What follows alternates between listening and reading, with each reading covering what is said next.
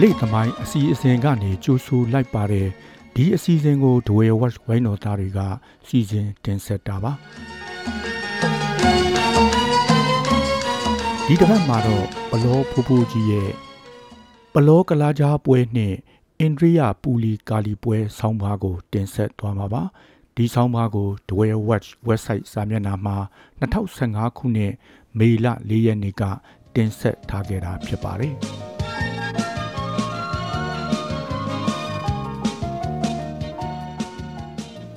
ပလောကလာကြားပွဲနှင့်အိန္ဒြိယဘူလီကာလီပွဲ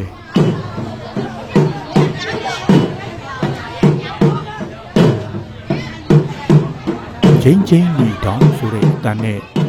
လောဘအနက်ကိုရလိုက်တယ်ဆိုရင်ပဲပလောသားတယောက်အဖို့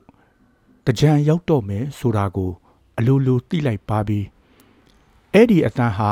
စီးချက်ညီညီထွက်ပေါ်နေရင်လူအုပ်ဟာလည်းမြို့အနှက်ကိုတဖြည်းဖြည်း ရွေလျားနေပါတယ်အဲ့ဒီလူအုပ်ရဲ့အလဲမှာရှိနေတာကတော့တကူးလာရာတီရဲ့ပူပြင်းတဲ့နေရဲ့အောက်မှာအင်ကြီးမပါပဲမမောနိုင်မပန်းနိုင်ကပြအတုံးတော်ခံနေကြတဲ့ကလားကြားတွေဖြစ်ပါတယ်ကြားကပွဲရဲ့လူရှင်တော်တွေဖြစ်တဲ့ပုံတရံအမျိုးမျိုးနဲ့ရုပ်ပြောင်ဖြစ်အောင်ဆေးချယ်ထားတဲ့မုတ်ဆိုးတွေလည်းပါပါတယ်မုတ်ဆိုးတွေဟာကြားတွေရဲ့တန်ပိုကို အမြင့်အဆုံးထိရောက်အောင်ဖန်တီးပေးကြသူတွေပါပလောမျိုးရဲ့ဒေသန္တရအလေးထားတစ်ခုကအခါကြီးရက်ကြီးတွေမှာဘုန်းကြီးကျောင်းတွေအတွက်အလှခံတဲ့အခါကခုံပြီးအလှခံလေးရှိကြပါတယ်အလှရှင်ဘက်ကလည်းဒီလိုဖြောဖြေတာကိုတောင်းဆိုတတ်တယ်လို့အလှခံသူတွေဘက်ကလည်းဘုန်းကြီးကျောင်းအတွက်အလှငွေပုံမူရအောင်ဆိုပြီးကခုံပေးလေရှိကြပါတယ်ပလောမျိုးမှာတော့အဲ့ဒီလိုအလှခံတာမျိုးကို အိမ်ခုံတယ်လို့ခေါ်ပါတယ်ကြားကပွဲဟာလည်းအိမ်ခုံချင်းတစ်မျိုးပါပဲဒီကြားကပွဲဟာ2015တကြံမှာဆိုရင်တော့နှစ်စဉ်မပြတ်ကပြလာခဲ့ကြတာ94နှစ်ကြာရှိနေပြီဖြစ်ပါတယ်တက္ကရာ1283ခရစ်1922ခုနှစ်မှာပလောမြို့မှာပလိတ်ဌာနအုပ်အဖြစ်လာရောက်တာဝန်ထမ်းဆောင်ခဲ့တဲ့ဦးကြပင်ကဦးဆောင်ပြီးနေခံတွေဖြစ်တဲ့ ဦးအောင်ငွေဦးချီတို့ပါဝင်တဲ့အဖွဲ့ကစတင်ကပြခဲ့ကြတာပါပလောမြို့မှာမကခင်ကတည်းကမြိတ်မှာကနေကြပြီးဖြစ်ပါတယ်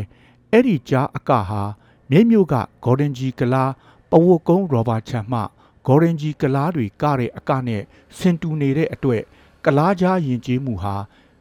မြိတ်မှတစ်စစ်ပလောကိုရောက်လာတယ်လို့ယူဆမိပါတယ်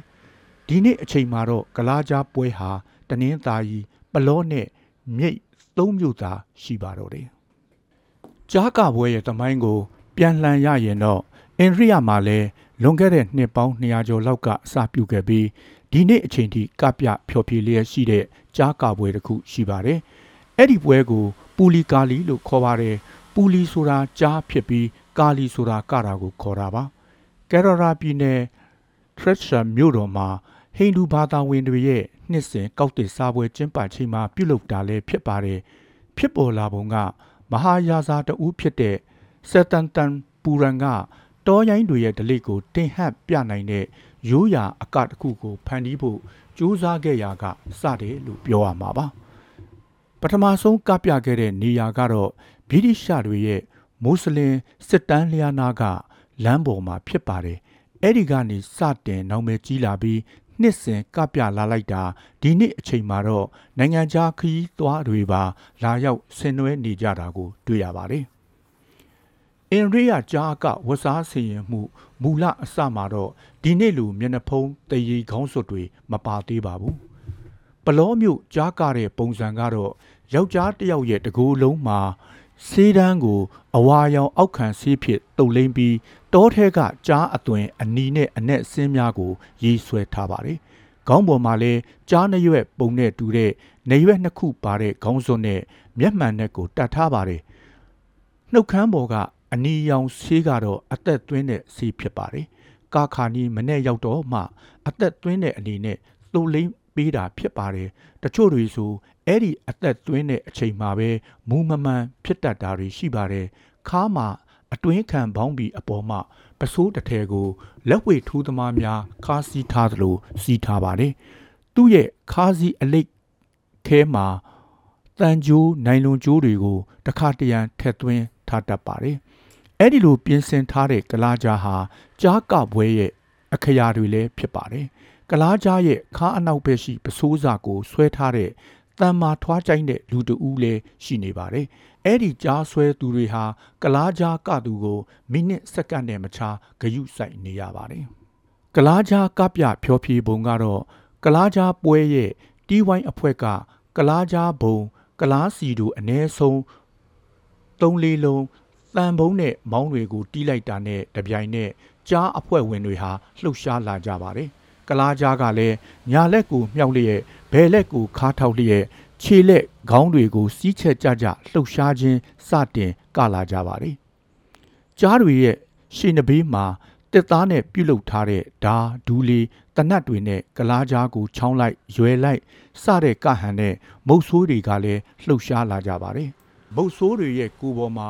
မုတ်ဆိုးအစ်စ်တွေလိုဝတ်စားဆင်ရင်ထားပါတယ်။ သူတို့ရဲ့လှုပ်ရှားမှုဟာတခါတရံမှာကလားကြားပွဲရဲ့လူရှင်တော်လိုဖြစ်နေတတ်ပါတယ်။ဂျင်းဂျင်းနီတောင်ဆိုပြီးကလားကြားဘုံတန်ဟာနှင်းနှင်းနဲ့မှန်မှန်ပေါ်ထွက်နေတဲ့အချိန်မှာကလားကြားတွေကလည်းရက်ကချင်းလမ်းလျှောက်ကချင်းထိုင်ကာချင်းသုံးမျိုးကိုလိုသလိုပြောင်းလဲကပြသွားလေရှိပါတယ်။တကူးလာရဲ့နေအောင်အောက်မှာကိုဘော်ကအင်ဘော်ဆေးပူဆက်ဆက်တွေကြောင့်မူးမော်လာခဲ့ရင်ရှူဖို့ဆိုပြီးကြားအချုပ်လက်ထဲမှာတံမယာတီးကို တွေ့ရတတ်ပါတယ်။ထိုင်ကတဲ့အခါမှာကြားအချင်းချင်းဒါမှမဟုတ်ကြားနဲ့မုတ်ဆိုးတံမယာတီးကိုလှိပ်ပြီးကစားတဲ့အကကိုတံမယာတီးကစားအကလို့လည်းခေါ်ကြပါတယ်။ကလားကြားဟာကနေရင်စိတ်အားထက်သန်လာပါတယ်။မုတ်ဆိုးကလည်းကလားကြားကိုဒေါသဖြစ်အောင်ဟန်ရီးပြလာပါတယ်။ကလားကြားရဲ့အမူအရာကလည်းတဖြည်းဖြည်းနဲ့ခက်ထန်လာပြီးကိုယ်ခန္ဓာရောဆေးနီတုပ်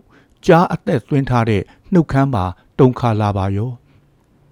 ကြားဆွဲကလည်းကလားကြားရဲ့ကျိုးကိုဘယ်လက်နဲ့တင်းတင်းကင်ထားပြီးညာလက်နဲ့ခါကိုပိုက်ထားလိုက်ပါတော့တယ်အဲ့ဒီအချိန်မှာပဲကလားကြားဟာဝေါင်းလို့អော်ပြီးအောက်ဘက်ကိုခေါင်းငိုက်ကြပြီးတွေ့ရာကိုကြိုက်ပါတော့တယ်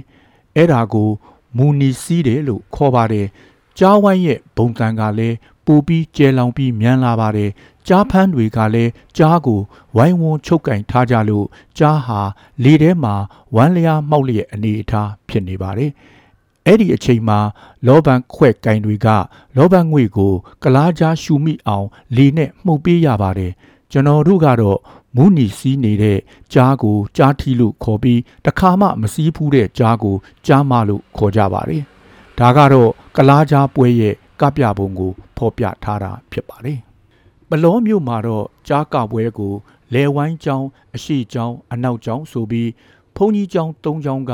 ဒါယကာဒါယကာမတွေကဦးစီးပြီးတင်းကြံမတိုင်ခင်တပတ်လောက်အလူကလေးကစတင်ပြီးကပြအလှခံလေးရှိကြပါတယ်ပထမဆုံးလဲဝိုင်းကျောင်းနောက်အရှိကျောင်းတင်းကြံအကျူရဲမှာတော့နှစ်စဉ်အစဉ်လာမပြည့်အနောက်ကျောင်းကြားအဖွဲ့ကစီကားစွာကပြလေးရှိကြပါတယ် ကြားကားတဲ့နေ့တွေရောက်ရင်လူအုပ်လိုက်ကြီးမြို့ကိုပတ်လိရှိကြပါတယ်မိန်းကလေးတွေကလည်းမနီမဝေးတချို့အိမ်ကအိမ်ပေါ်တွေကနေကြည့်လိရှိကြပါတယ်ကြားတွေကအများအားဖြင့်လမ်းစုံလမ်းခွတွေရောက်ရင်မူးနီစီးလိရှိကြပါတယ်ထူးခြားချက်တစ်ခုကမူးနီစီးဖူးတဲ့လူတစ်ယောက်ဟာနောက်နှစ်တွေမှာကြားကအဖွဲထဲဝေမကဈေကမူကြားဘုံတန်ကြားရင်မျက်လုံးတွေနီလာပြီးကြားတွေကြားထဲဝင်ကမူးနီစီးလိရှိပါတယ် တချို့တွေဆိုအိမ်ပေါ်ကနေကြားအုပ်ကြားတဲ့ခုံချတာမျိုးတွေတွေ့ရပါတယ်မူလအစားလို့ယူဆထားတဲ့ပူလီကာလီပွဲနဲ့ကတော့တီးပုံကပုံတွေခြားနားနေတာတွေ့ရပါတယ်ပူလီကာလီပွဲရဲ့ဆေးချေသားမှုအပိုင်းမှာနှစ်မျိုးတွေ့ရပါတယ်ရင်ဘတ်ကိုကြားကောင်းပုံတံချေတာခြင်းနဲ့ကြားအည်ခုံကဲ့သို့ချေတာခြင်းတို့ဖြစ်ပါတယ်ကြားကောင်းပုံချေတာမှုတွေရင်သားတစ်ခုကိုမျက်လုံးနှလုံးအဖြစ်ချေပြီး ဘိုက်ကိုပါဇက်အဖြစ်ချေထားတာကို တွေ့ရပါတယ်ကြားတွေတာမကချင်းသိပ်အယုတ်တွေချေတာထားတာကို တွေ့ရပါတယ်အယောင်တွေကလည်းအဖြူအမဲအဝါအနီနဲ့အစိမ်းစသည်ဖြင့်ရောင်စုံကြားတွေကို တွေ့မြင်ရပါတယ်အဲ့ဒီဆေးချေတဲ့ပကြီးဆရာတွေဟာတေချာလိကျစ်ထားတဲ့ပကြီးအကျော်မော်တွေလည်းဖြစ်ပါတယ်ကြားပုံချင်းသိပ်ပုံမျက်နှာဖုံးတွေကိုလည်းတတ်ဆင်ထားကြပါတယ်ခါမှာလည်းခြူတွေကိုတီကုန်းပြီးပတ်ထားပါတယ်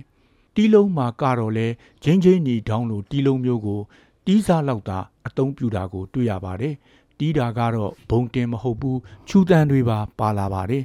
တီးတဲ့တိုင်ပင်ကလည်းမြန်မာတယ်ကဘုံကတော့သူတို့ရေးချယ်ထားတဲ့ရင်သားနဲ့ဗိုက်ပေါ်ကကြားအယုံများကိုလှုပ်ကာကပြကြတာဖြစ်ပါတယ်တံမြာတီးလှိပ်ပြီးကတာတော့တွေ့ရပါတယ်တန်းစီပြီးလက်ချင်းချိတ်ကကြံလက်ကူမြှောက်ပြီးကတာမျိုးလဲတွေ့ရပါတယ် ဘုံကတော့ဘုံရှိကိုအသုံးပြုကြပါတယ်ထူးဆန်းတာတစ်ခုက ပလောကလားကြားရဲ့မူလဇစ်မြစ်လို့ယူဆကြတဲ့ပူလီကာလီအိန္ဒရိယကလားကြားပွဲမှာ